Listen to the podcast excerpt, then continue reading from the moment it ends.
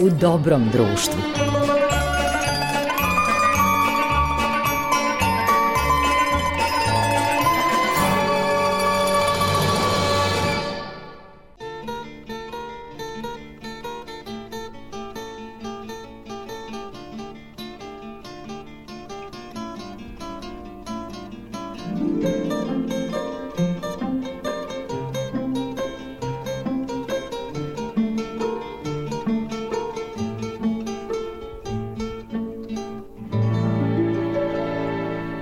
Poštovani slušaoci, slušate emisiju U dobrom društvu na talasima prvog programa radija, radio, televizije Vojvodine.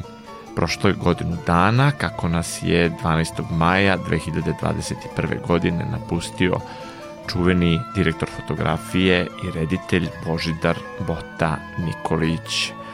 Jedna značajna veličina jugoslovenskog filma – koja je ostavila dubok trag u kinematografiji ovih prostora. Razgovor sa Božidarom Botom Nikolićem zabeležen je 2016. godine.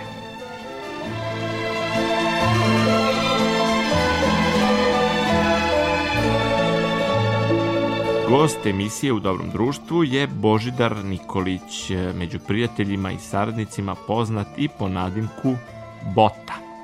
Dakle, Bota Nikolić jedan je od doajena jugoslovenskog i srpskog filma, a kao direktor fotografije učestvovao je u stvaranju najznačajnijih filmova na ovim prostorima.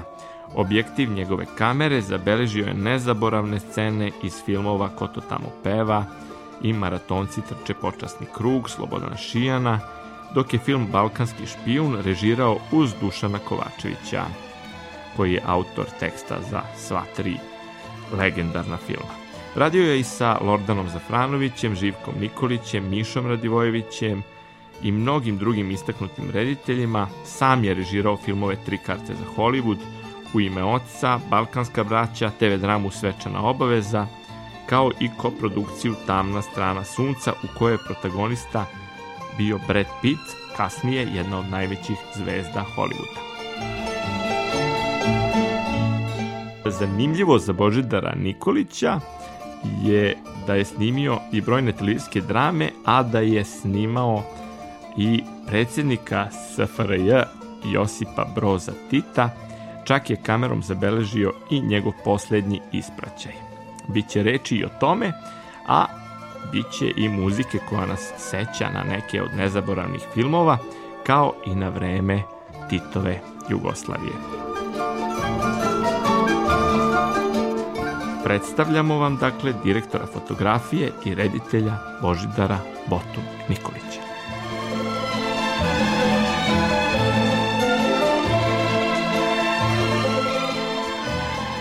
Gospodine Nikoliću, hvala vam. To ste odvojili vreme za slušalce Radio Televizije Vojvodine prvog programa Radija.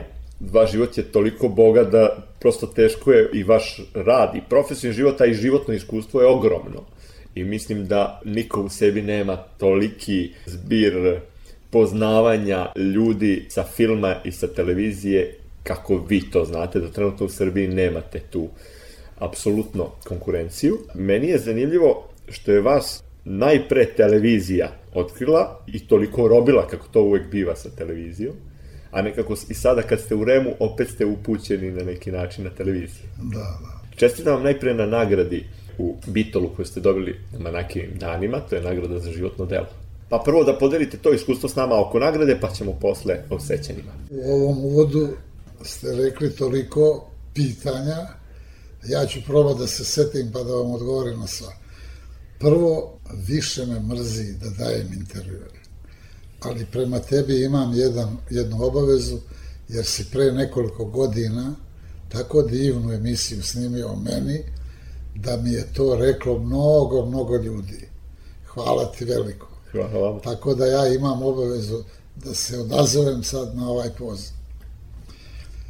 Za nagradu za životno delo ne mogu da kažem, da izrazim se koliko sam ponosan na tu nagradu. To mi je toliko dobro došlo, pored ogromnog broja nagrada koje sam ja dobio Moja žena podupire vrata od promaje nagradama Mimoze iz Herceg-Novog, koliko ih ima. Jer ste toliko toga i uradili. Na... Da, puno sam filmova snimao i dobio, imao sam sreću, ja sam, kad sam bio mladi, jer sam za prvi svoj igrani film dobio sam nagradu. Zlatnu arenu. Meni to nije ni bilo ništa. Bio je neki pokojni snimatelj, sad je jadnik pokojni, je bio divan čovjek i snimatelj, Milivoje Milivojević, kaže, Božo, svaka ti čast. Šta bi ja dao sada da imam tu na... Ja bi, zašto? Ja nije znao šta... Pa veli, znaš šta bi mi značila za penziju? E, ja kad sam došao do penzije, setio sam se Milivoja Milivojevića i stvarno je velika priznanja. Ali ova nagrada u Bitolju, da se malo pohvalim, to nema ni jedan Jugosloven. Zadnjih deset godina u Bitolju su nagradu primili samo Oskarovci. Najveći seci. Jeste. Tako da, da sam vrlo ponosan, dočekali me lepo i malo kako sam prestao da radi, kako sam ovde u Remu, prestao da pričam i o filmovima i to. 12 dana se pričalo o meni i o mojim filmovima. Tako da sam se i ja podsjetio šta sam snimio. I verujte mi da sam ponosan i na to što sam radio. Kad kažeš nekome, a ja sam radio 40 godina na televiziji i nisam hteo nikad da se samo reklamira, a mogao sam svaki dan da budem kod nekog urednika u nekoj emisiji. Ne, nisam hteo da ličim na neke reditelje koji su po cijel dan šetali hodnicima televizije da bi uveče malo nešto rekli u dnevniku i tako. Nisam hteo da moje kolege o meni misle ovo što ja mislim o ovim. Međutim, to mi je greška. Trebao sam. Ali sad je... Reklama si ispad. Da, sad je to već, već kasno. Ali 40 godina raditi na televiziji je ogromno. Kad se ovako, kao u Bitolju, priča o meni, uopšte se nije pominjala televizija. Više su pričali kako sam otkrio Brad Pita nego o, o onome šta sam na televiziji uradio. A ja sam na televiziji snimio najviše drama i serija. To je zaista impresivna Jeste, to je, a samo me pominju filmove, nego je sva sreća, ima i filmova puno, ja ne znam tačno negde, jedno 40-50 igranih filmova. I samo o njima pričaju.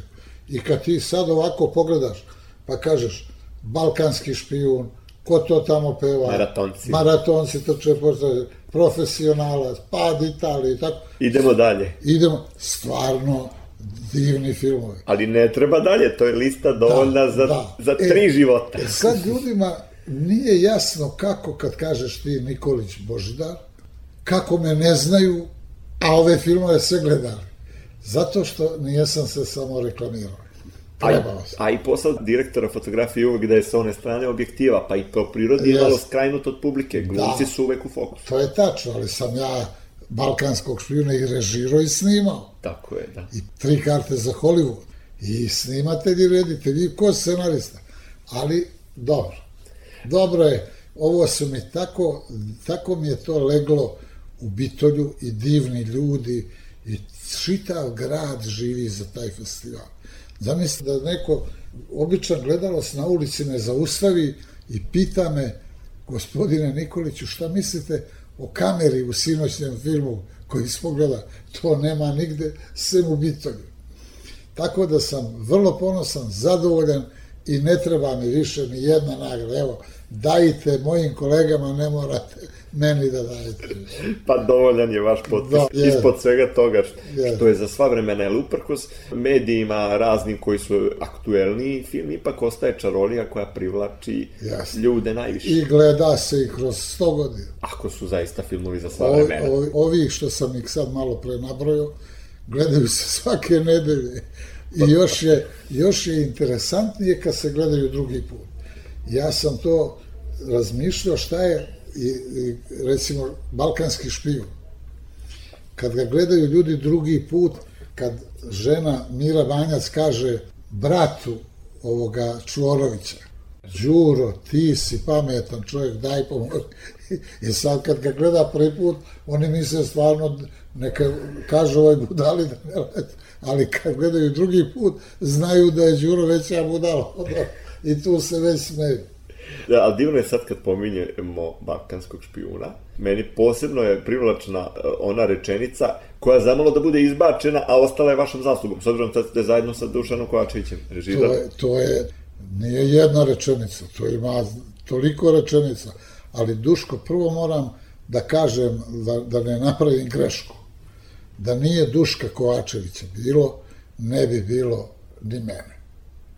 Ali ne ni mene, ne bi bilo ni Bate Stojković, ni Bire Banjac, ni Šijana, ni mnogih drugih, nego to ljudi neće da priznaju. Da Duško Kovačević ovo nije napisao, nas ne bi bilo.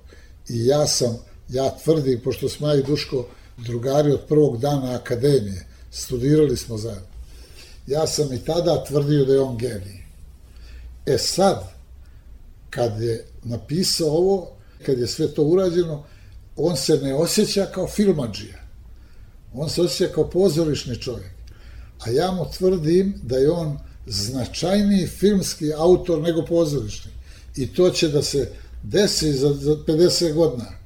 Više će da priča o njemu kao filmađiji nego kao pozorišnom stvaravcu, jer pozorište prestava se ugasi. Evo, niko ne pominje balkanskog špijuna zbog pozorišne predstave koja je prva izvedena, nego zbog filma. Ipak predstave vidi mali broj ljudi u odnosu na... Jeste. I onda ja sam, Duško je htio da mi profesionalce radimo zajedno, ja nijesam hteo, nego sam rekao, ti ćeš sam, hoću da imaš svoj film. Tako da ima i on je profesionalcu i reditelj i ko scenarist, a ja sam direktor fotografije. Nesrećni sam od malena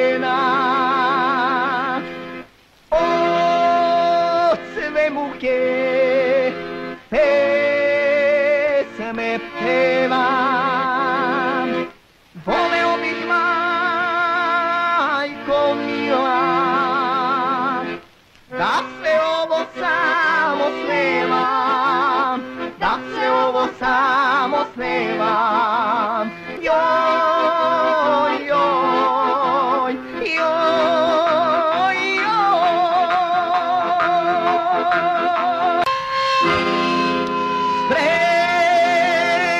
spremao je dugo švaban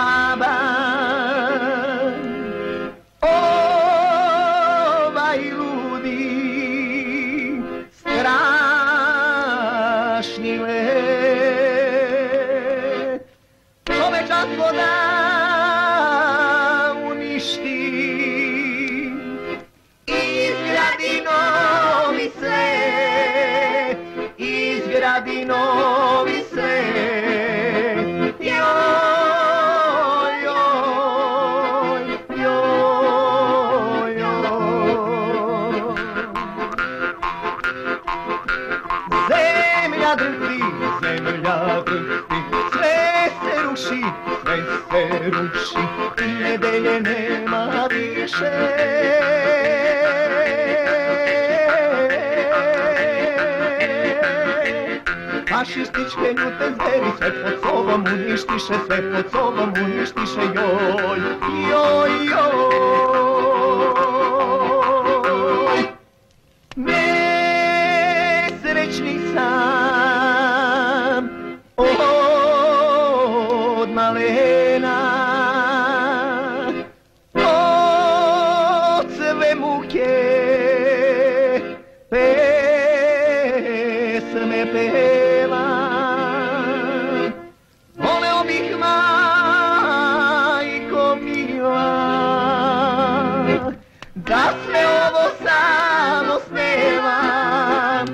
sve ovo samo snevam. Joj, joj, joj, joj.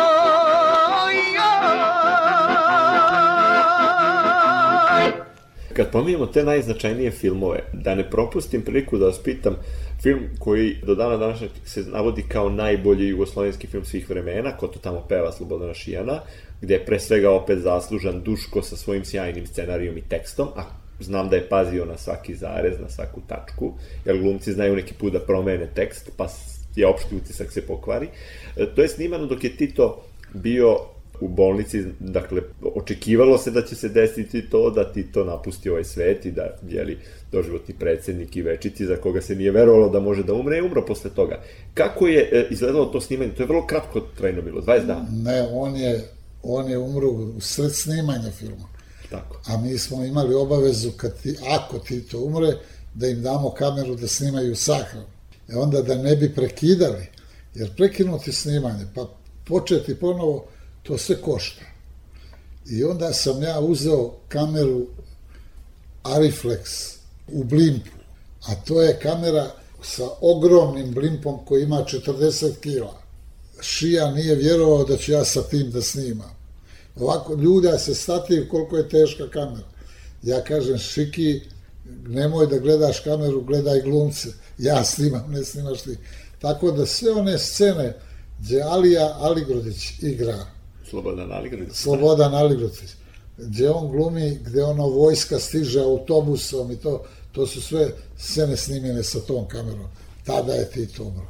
Da li ste učestvovali u snimanju sahrane? Da, Titove? da. Znači, da se toga prisetimo, jer, eto, u maju je premjerno ova emisija, pa da... Da, jer ovaj, ja sam bio službenik i televizije, ali sam snimao film. I kad je bila sahrana, onda sam morao da snimam. I bio sam snimatelj koji je snimao tamo na, grobu. Interesantno je to, mi smo dan ranije probali. Jedna proba sahrane. Proba sahrane. I sad nosi vojska sanduk, donosi kod groba, stavlja u grob i bila je jedna ogromna ploča.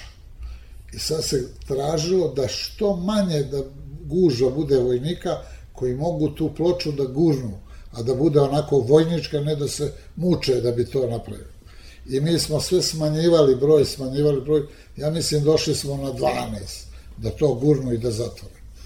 Međutim, kako su prošle godine, jedna žena u nekim novinama je pisalo da je ona dan ranije gledala da je Tito sahranjen. Ona je vidjela tu Vidjela je probu. probu sa praznim sandukom, da, da. Tu je bile priča da je sahranjen, ali... Je, zato što nismo vidjeli taj trenutak u prenosu. E, u prenosu ovaj, to je izbjegavano da ne bi bilo ovo guranje te ploče i tako, a još se nešto desilo. Meni se u sred toga prenosa pokvarila kamera. I onda sam ja se uplašio, bre, da ne misle da sam namjerno pokvario, da bojkotujem Titovu sahranu i šta. Da. Tako da ta kamera koja je baš bila zato zadužena nije bila ispravna tog trenutka. A inače, imali ste priliku, naravno, i živog Tita da snimate mnogo puta. Pa, ne mnogo, ali sam snimao ga u Skupštini i najdivnije mi je, snimao sam emisiju posle njegove smrti. Tako da sam sve njegovo probo, šapke, fotoaparate, sve gde je on bio, ja sam ja sam bio, Dodirnuli ste svojim rukama sve. bio sam, on je bio poznat da ima svoju radionicu, da radi i stalno nešto. Ne bi niko vjerovao šta je on pravio zadnje u životu. Pravio je aluminijski češ. to je on rezao nešto. Ili, i, i lepio je neku muštiklu. Polomila se neka, onda je to popravljao i, i lijepio. E, a ja sam slago njegove aparate tamo u muzeju njegovom sad. Sjećam se, ne može zna Hazelblada objektiv da se stavi. I oni sad, kako sam ja stručnjak, ajde Bože ti, ja stavim ja na silu i nešto učnik tvrc i ne može više da se skine. Ali nikome taj objektiv ne treba. Dobro da je samo eksponat. Samo je u muzeju, da. Pokojni Zuko Džunhor. On je mene mnogo volio i volio me i kao snimatelja. Čak mi je govorio da dam otkaz na televiziju, da me on zaposli kao fotoreportera politike i da idemo po svijetu, da priča ono hodočašće, a ja da fotografišem. Da, hodoljublje. Hodoljublje, jel? Tako se zove, Jel? hodoljublje. E, i jedan dan on meni kaže, ajde, idem kod Ive Andrića, ajde da te upoznam sa njim. I ja nijesam htio, velim, pričam kako je bolesan, kako ne izlazi iz kuće. Ja nijesam htio i sad me sramota, jer ja tada nijesam znao ko je Ivo Andrić. Ja sam tada bio mlad još. Znaš, A kažu prilike ne treba propuštati, E, se ne da ukazuju po dva Sad puta. je mnogo krivo da nijesam upoznao takvog čovjeka.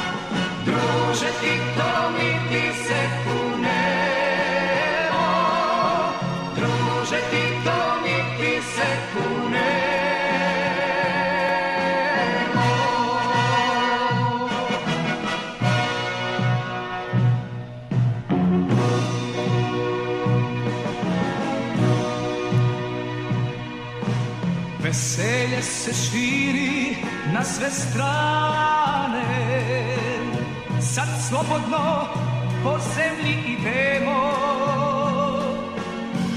Al velike pamtit ćemo dane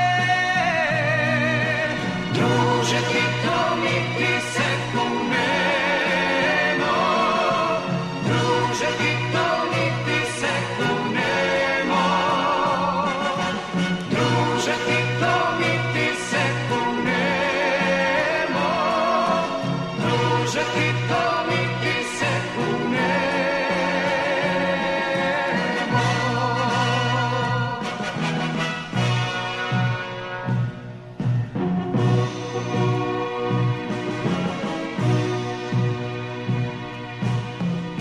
Praznik slazi na ulice naše oblake da letimo smjelo Naše pjesme zli neka se plaše Druže ti to niti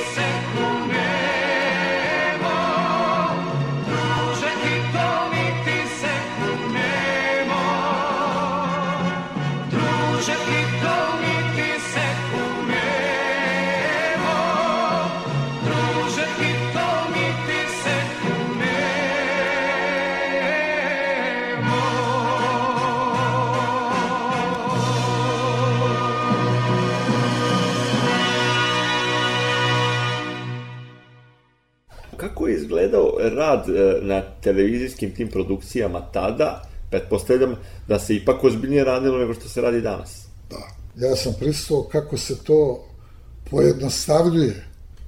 Tada je bio program mnogo kvalitetniji. Mi smo tada, recimo, snimamo emisiju narodne muzike od pola sata. Pa se pravi scenario, pa se pravi scenografija, pa kostimi, pa se kadrira, pa se po nedelju dana to snima. E onda je došao Jovan Ristić i onda je on stavio ovako pjevača, tri kamere, jedna drži krupan plan, druga Amerika, treći total i onaj pjeva, a on reska i koliko traje pjevanje, toliko je trajalo I snimati. gotovo finalizovano. to Tako su da je revolucija. Ta, revolucija i ta norma poremećena. I to je koštalo kvaliteta, ne kažem ja da je trebalo ovoliko vremena, ali je koštalo kvaliteta rada neke emisije i neke nadgradnje, da tako kažem. Jer svaka pjesma koja se snima može da se nadgradi. Ali danas je sve pretvoreno u reality, pa je još program danas pao. pretvoreno u reality i onda još spotovi. Namjerno, kad, kad režiraju pesmu neku, onda namjerno ne trude se da prate neki sadržaj pesme, pa da prave neku priču u toj realizaciji, nego namjerno ne prave, nego snimaju svašta tamo, amo, kadar ovde, kadar ovde, da ne bi obratili pažnju na pjesmu, jer pjesma ne valja. I onda je ni ne čuješ. I onda gleda slike i ovamo i ne čuješ, prođe pjesma.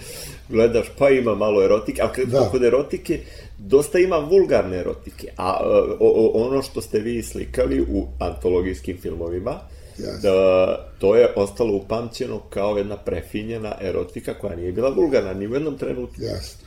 I ja se ponosim time, jer recimo sjećam se film Živjeti ko sav normalna ovaj, Svet, Miše, Svet. Miše Radivojević. gde Miše Radivojića, gde spokojna Sonja Savić i Bule Goncić glume imaju ljubavnu scenu. Ja sam snimao čitavo jedno popodne kako oni vode ljubav. Čitavo To je, popodne. to je vrlo intimna situacija, Da, vi ste priključeni na par, da. a na filmu je to možda bilo 2-3 minuta, ne sjećam se sad. Pa duga scena. E, ali znam ovo, da je jedan zagrebački kritičar pisao o golotinji na, u filmovima na Pulskom festivalu. I taj film nije pomenuo. I ja pitam, je li bre, kako ti nijesi pisao o mom filmu? On veli, Bože, ja nijesam primijetio. Toliko je to bilo u funkciji priče, filma, da je to prošlo onako nezapaženo kao neka golotinja i pornografija i šta ti ja znam. Glumci su, naravno, veoma osetljivi e, kad snimaju ne samo takve scene, posebno glumice, recimo. Da. Žele ipak na neki način, bez obzira što igraju određeni lig, da ostanu upamćene lepe i da se ne vide neki nedostaci i tako dalje. Kako se to rešavalo? Vrlo teško. Najteže mi je bilo snimati te scene. Recimo, u padu Italije snimao sam Snežanu Savić, koja je jedna lepotica. I trebalo je da, da, da raskopča bluzu i vjetar na, na barci, da, na motornom čamcu, da je da joj raznosi to i da joj se vide grudi. To je početak filma sad. E, ona nije htela, nije to dala. A, a bila je trudna deveti mesec. Da. I njoj su ovako narasle grudi bile i one vene se pojavile. I ja sam nju snimao i u, u sred kadra ja joj povučem bluzu i otvore se grudi. I da li vi verujete da sam bio u Boru i sedio u jednom društvu i pričali nešto. I jedan čovek kaže, najljepše nešto što sam vidio na filmu, to je ispričao on ovu scenu, nema pojma da sam ja to snimao.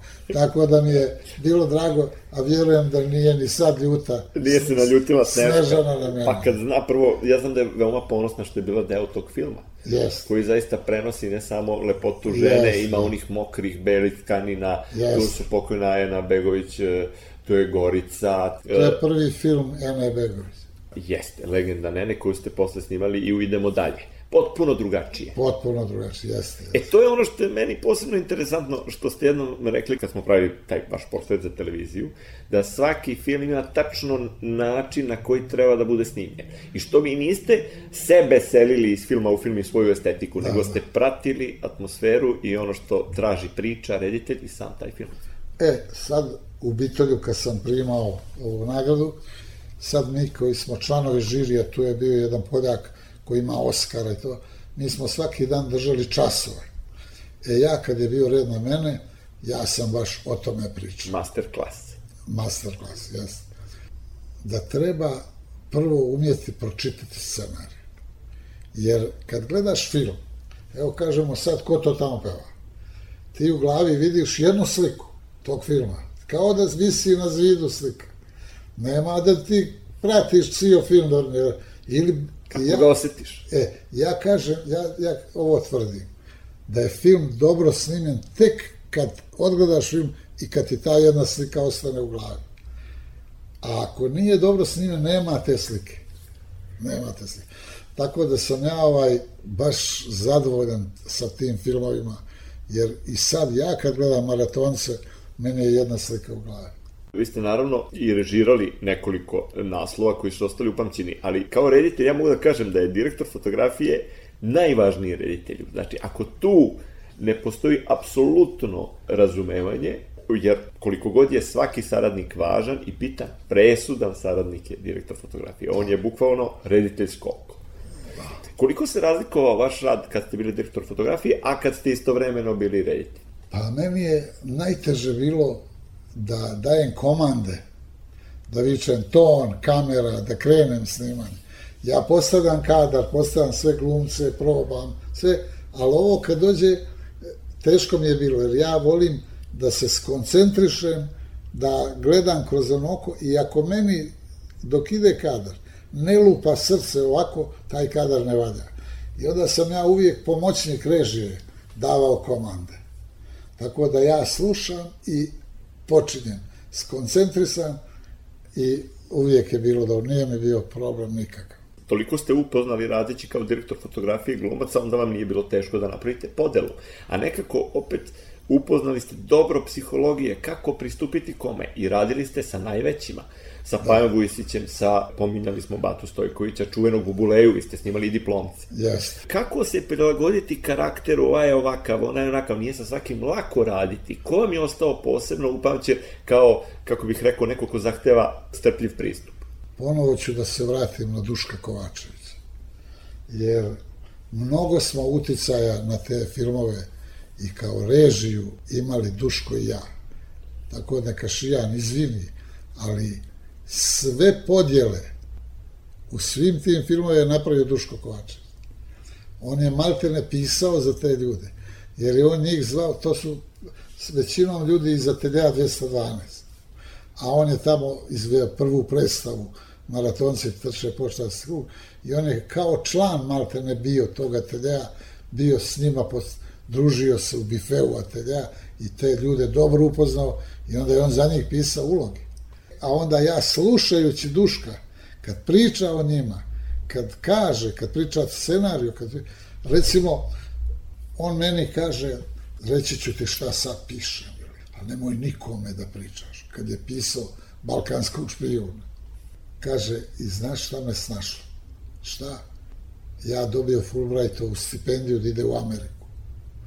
I na vrata njegovog stana neko zvoni, neki čovjek iz Udbe i rekao mu ti ideš u Ameriku, dobro bi bilo da nešto pribilježiš što vidiš, nemoj velitašno da nosiš ovako, neko će ti ukras, novčanik, zaši unutrašnji čovjek, uči ga sve kako tamo u Ameriku, a veli ja se vratim, meni obijen stan i sve mi odnijeli iz stana. Tako da je ono... Primetačina u da. vremenu.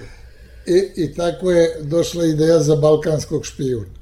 Tu je on krenuo onda ovdje. Prvo je osjetio to na svojoj koži. Da, da. Pa i profesionalca posle. Profesionalca, da. Jas. Kad će on ispriča šta da piše, ti bi rekao ovo je ništa. Ali kad ga napiše, onda je potpuno, potpuno drugo. Stani,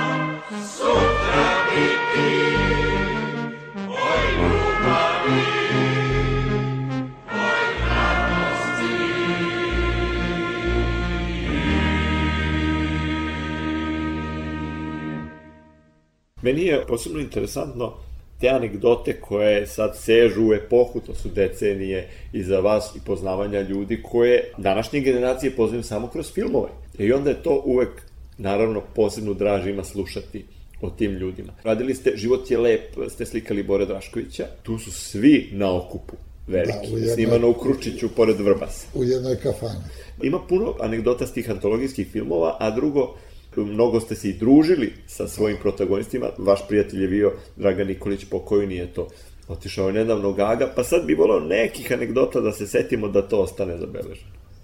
Evo, kad smo snimali taj film, i sad je bilo puno statista, a to je, Kruščić je jedno sat vremena daleko autobusom od Vrbasa. Još pogotovo kad ideš ovako selima da kupiš statiste. I ja kažem, Dragane, ajmo bre da izađemo na put, a počeo neki snijeg malo da pada duva neki vjetar i ovaj, da izađemo na put, tebe će neko da prepozna i evo nas uvore, a ne da vozimo statiste po svim selima. Voda. Ajmo, i mi izađemo, duva vjetar, niko da stane, niko da ga prepozna. Ja kažem, ej bre, koje smo pare u tebe uložili, da budeš zvezda, niko te ne prepozna. I stane jedan s ogromnim kamionom i Dragan mu nešto priča da bi ga ovaj prepoznao, a ovaj kaže, momci, jeste vi odavde iz šećerane? Ali, znate koja je meni, ispričat ću vam jedan, jednu anegdotu sa snimanja. Bata Stojković i Pavle Vujsić, dvije legende. Ali je Pavle bio mnogo stariji i Bata je imao jedan odnos prema njemu kao starijem čovjeku, ali je bio ljubomoran na njega kao glumca. Jer Pavle Vujsić je završio pravni fakultet, ne akademiju, a Bata je završio glumu. I on je uvijek govorio, ma on je naturčik, kakav glumac. Međutim, kad je Paja tu bio, on je uvijek kod njega neko, da. Paja, nis- snishodljivo. I sad u maratoncima snimamo scenu gde Paja treba da dasku lomi o glavi Bati. Da, Da ga su- lupi dasku. Kada ga tuče kao Yes. svog sina. Da. I sad treba ovaj da, daska od balze, Paja, da se lako slomi. Bata neće dok ne probaju na nečoj glavi drugo. I bio je neki jadni džoka u, u ekipi koji ga su stalno udara, lomili mu dasku, pita Bata, jer boli, kaže boli. I Bata neće da snima. I sad mi to odlažemo 20 dana tu scenu. I ja kažem Đoki, ako danas ne kažeš da te ne boli, budalo jedna, vidiš, razbiše ti glavu i šćeraću te iz, iz, iz ekipe i ovi lupe ovoga, on kaže ne boli i sad treba da snimamo. I sad ovako vrata su zatvorena, otvaraju se vrata, Pavle ulazi sa daskom, udara batu, vraća se nazad, zatvore se vrata i ka, kraj kadra. I još sad Pavle kaže, ja ću bato to malo da zarežem, da trgnem ovako i nećeš ni ostati da sam tu. Međutim, kad smo došli, kad ga je udario, daska se ne prelomi ovako, nego uzduž. I bati, čomor ga se ovako vidi u filmu kako mu raste, gleda ga, mi se vratimo, zatvore se vrate, ja kažem, Pajo bre, okrenuo se naopako darsku, a on kaže, ko je naopako? 20 godina sam čekao ovaj kadar da ga udari. Eto, to je... I ima dobra isto u filmu gde su obojica, to je, ko to tamo peva, anegdota sa Kitovom Mašću. A, to je isto dobro, dobra priča.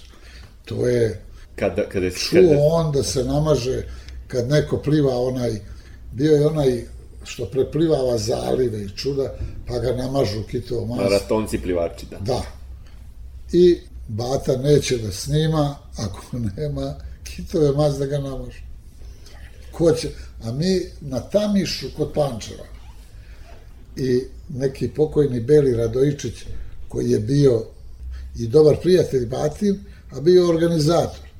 Kaže, "Ej bre, pa imam ja kući masti kitove, idite, uzmite. E, a bat kaže, eto vidite ima, nego niste tražili. I sad oni odu, a on kaže, kupite bre tu u Pančevo, u prvu radnju masti, kupite Svinsku. svinsku i namažu vatru. I nikad nije saznao da je svinsku Ni- mašću. No. Nikad nije. Pa to je divno. Jel ima još koja anegdota? Ma ima li ko se setiti? S njim je sve bilo, ja sam pričao da je svaki kadar snimljen s Batom Stojkovićem specijalni efekt. Ti njemu, ako kažeš drži ruku ovako, a on je drži ođe obir, ne može. Ajde, bato, nemoj bre da ti tu visi, stavi tu ruku ovamo, da je snimimo, jer i ruke govore, znači, ne on, ovako, i tako.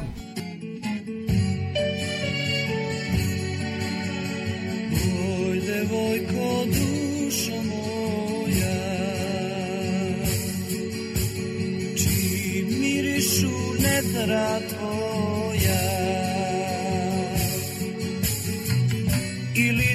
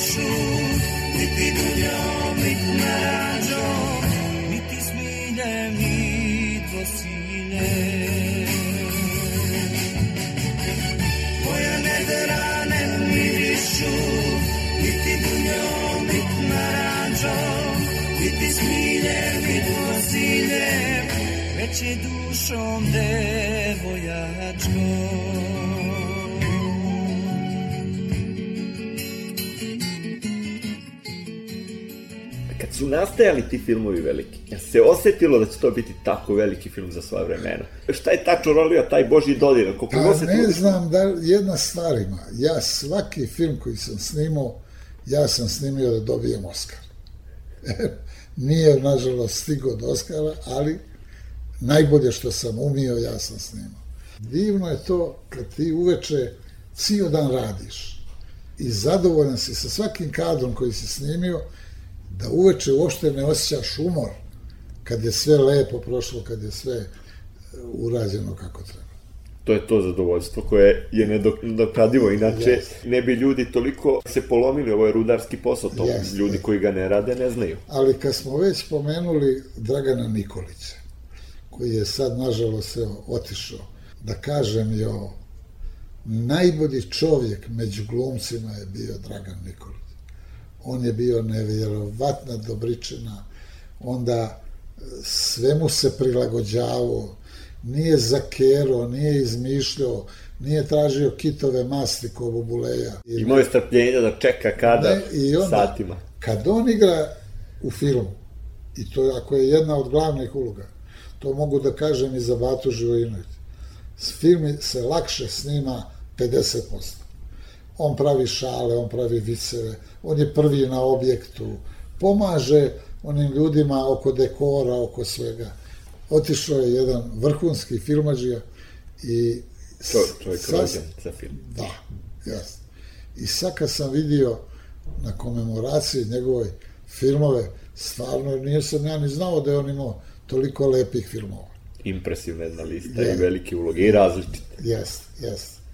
To kad govorimo koliko je važno da saradnici budu i divni ljudi, dovoljno je recimo glumačkoj ekipi jedan da ima koji pravi problem, umorniji si deset puta od snimanja, ako jedan pravi problem. A znate šta je divno? Divno je da, je nas 5-6 jedva imalo tamo u jednom hotelu u Delibradskoj peščari, kad smo snimali ko to tamo peva. I mi smo tu spali, a ekipa je išla u Beograd i vraćala se. Ja nisam htio, ja sam ostavio da spavam i Dragan i Bata i ovi cigani što sviraju. I mi tu ovaj, u jednoj kafani i ovaj donese harmoniku i svira nam čitavu noć, mi pijemo i damo mu sve pare što imamo. I ja ujutro kažem, vrati nam bre pare, mi smo kolege. Ode akontacija. Mokar ne da, ne da Mića, Mića se zove taj cigar, ne da pare. I zamisli, taj dan snimamo scenu u autobusu, kao oni su ukrali nekome novčanik, a Bata ih bije i viče, vrati pare, vrati. I ovo ga ubio iz prave, ima krv mu izašla iz nosa, jer ga je Bata udario, baš bio ljut na njega, što mu je uzeo pare. Da pomenemo neke kolege, reditelje. Za Lordana znamo koliko je dobro režirao erotiku na filmu i koliko je imao poseban pristup. Filmovi Živka Nikolića su isto ostali za sva vremena. Beštije su, čini mi se, prvi film, pravi film, film koji ste snimili, je tako? Da, Specifičan da. film, specifična atmosfera. Da, da. Kako vam je sećanje ostao Živko? Tek kad neko umre, ti onda vidiš kakav je bio, bre. Koliko je velik? koliko je veliki. Ja sam o Živku posle njegove smrti ljepše mislio nego dok je bio živ. Živko je fenomen. Ali isto sam to tek shvatio kad je umro. Zašto je fenomen? Živko je studirao godinu dana akademiju, ali je studirao glumu. To niko ne zna. Nikad nije bio niko, ničiji asistent na filmu. Nije prisustovao snimanju filma. I Živko je nije položio glavni predmet na akademiji, a kad ne položiš glavni predmet, ti gubiš pravo na školovanje. I Živko izgubio pravo na školovanje kao glumac. I sjećam se jednom mi šetamo na trgu Republike i on meni kaže ja ću da snimam film. Ni ja tada nisam sanjao da ću da se bavim filmom. Ja kažem, kako bre da snimaš film kad nemaš pojma kako. Meni veli treba samo kamera, idem u Ozeniće, u njegovo selo, imam ideju. I on je otišao u Dunav film kod pokojnog Vicka Raspora. Vicko Raspor volio tako čudne ljude kao što je Živko. I on mu kaže, samo mi daj kameru, ništa više. A tada kad snimaš dokumentarni film, to je koštalo strašno. Dobiješ dnevnice, dobiješ čuda, dobiješ velike honorare. A ovo je on uzeo samo kameru i traku i ništa više i imao one svoje seljake i tako je počeo da I to je bila revolucija. Jasno. Volio bih samo da, kad smo već počeli o rediteljima, da ispričam za Lordana Zafranovića. E da, može. Ja sam pre mesec dana gledao na televiziji Pad Italije. I tu noć sam tek shvatio koliko je veliki reditelj Lordan Zafranović. I okrenem u češku telefon i ovo sam mu rekao. On nije mu mislio da se zeza. Ne, ovo ti najozbiljnije kažem, jer ja sam uživao snimajući tvoj film, ali nijesam razmišljao o tome kakav si ti reditelj. A tek sad vidim da si veliki reditelj i da je šteta što si radio u ovoj seljačkoj državi. Pretpostavljam da je to sećanje divno na snimanje Pada Italije, jer ste bili na Šolti, ekipa je bila na jednom divnom mestu i sva uronjena u priču jednu. Jeste. Ljudi se s toga sećaju s nostalgijom, no danas se dosta radi, pa se i odrađuje i brzo se radi i nema više prilike da se uroni u atmosferu na pravi način. Da.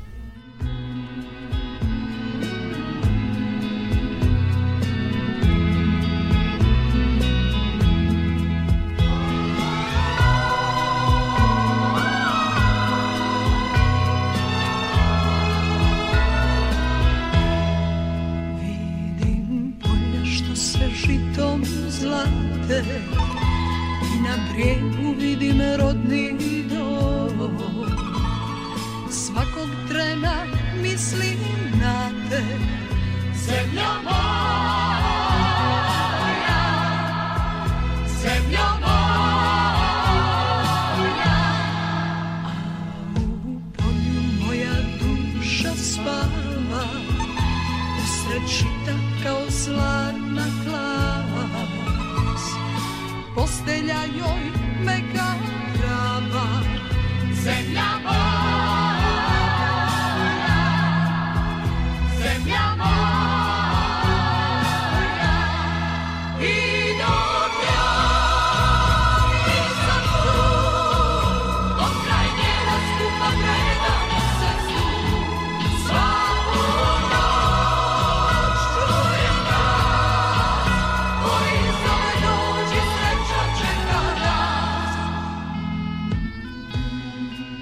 Mogu da zaobiđem ko je otkrio Breda Pita. I nedavno ste se i videli sa njim Da. pre par godina Da, i sa ovaj, Anđelinom, upoznali ste Da vam Anđelinu. kažem, to je jedan divan momak prvo.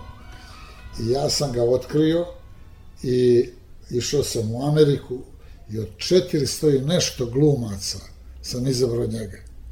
I da vam sad kažem šta je bilo, sad kad sam primao u nagradu u Bitolju, svi me bre samo pitaju o Brad Pittu. Ove filmove o kome smo mi malo pre pričali, niko ne pominje. Samo Brad Pitt bre, i ja znate što sam rekao, kažem da sam znao koliko će pitati njemu, ne bi mu dao ulogu. Da, pa to je ono što je najatraktivnije, eto, i glumci koji su snimali kod Anđeline Jolie, svi pitaju ih za Anđelinu i za Da, Breda. Ali da. eto, kakve utiske nosite kad ste ih posetili u Budimpešti, kad je ona režirala ovaj svoj film, pa... Kad To je neverovatno. Prvo, ja sam znao Breda, Anđelinu ne. I ona je prekinula snimanje i sa mnom proveli su sat i po vremena. Bio je tu i Rade Šerbeđija. I Koji igra u filmu. da, da, ona je takav utisak ostavila na mene. On, imam te slike gdje ona mene grli i ljubi. Evo, tu su ja i gledam. Da, po- i ja joj kažem, ovaj, Bred je samo rekao, ovo je Božo. To znači da on njoj pričao o meni, ona me odmah zagrlila i izljubila. Divno je što vas nije zaboravio. Ne. Jer to ipak, to su bili njegovi počeci. Da. E, da pomenem onaj casting kad je napljen, tu se pojavila i Sharon Stone. Jeste, ali ja nju, nažalost, ne sjećam se. Ne, ne, ne, Ali je bila na spisku. Da, bila je na spisku, ali ja nijesam zapazio. Ali ste zapazili da se krije buduća zvezda u mladom Bredu. Jest, jest, to sam, i to je interesantno, casting direktorke sam dvije imao, koje su mi na kraju, ja doveo dva breda i još jednoga. A one mi kažu, vaše je da odlučite, ali ovaj drugi je snimio 25 filmova i on je već popularan kod tinejdžera u Ameri- Americi. Mi vam predlažemo njega. I ja ih ovako gledam, kažem, kako bre da ga sad vodim preko okeana, a da mi se ne sviđa. I kažem, Bred. I on je tu noć, sjedili smo na Beverly Hillsu u jednom kafiću, bio je jedan travnjak. On je od kolutovima otišao sretan. Od radosti. Od radosti. Učinio. Hvala Božo, divno je bilo ovo čuti. Nadam se da će slušalci zaista uživati u ovoj priči. Mi ćemo se još sresti, bit će prilike, zdravlje Bože. Ja vam želim dobro zdravlje i Veliko hvala i tebi želim puno uspjeha i ti si jedan divan i čovjek i reditelj i da dobiješ neka tamo u Novom Sadu vide bre ko si ti, neka ti daju pare da radiš film. hvala mnogo na, na ovim željama iz vaših usta, Božih uši i onih koji treba. Hvala lepo i vidimo se, pa ćemo još da pričamo, bit će ovih tema, što za radio, što za televiziju. Važi, evo ti možeš kad god hoćeš, dođi kod mene. To je zaista velika privilegija. Hvala. Slušali ste emisiju U dobrom društvu.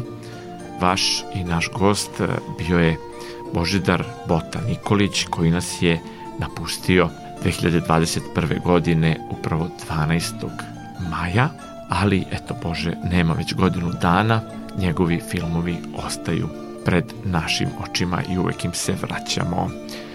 Slušajte nas e, i u repriznom terminu u 16.05 četvrtkom, a takođe i ova emisija naći će se pod opcijom odloženo slušanje na sajtu radio televizije Vojvodine. Sledeći put novi gost i novo izdanje emisije a vi ostanite u dobrom društvu.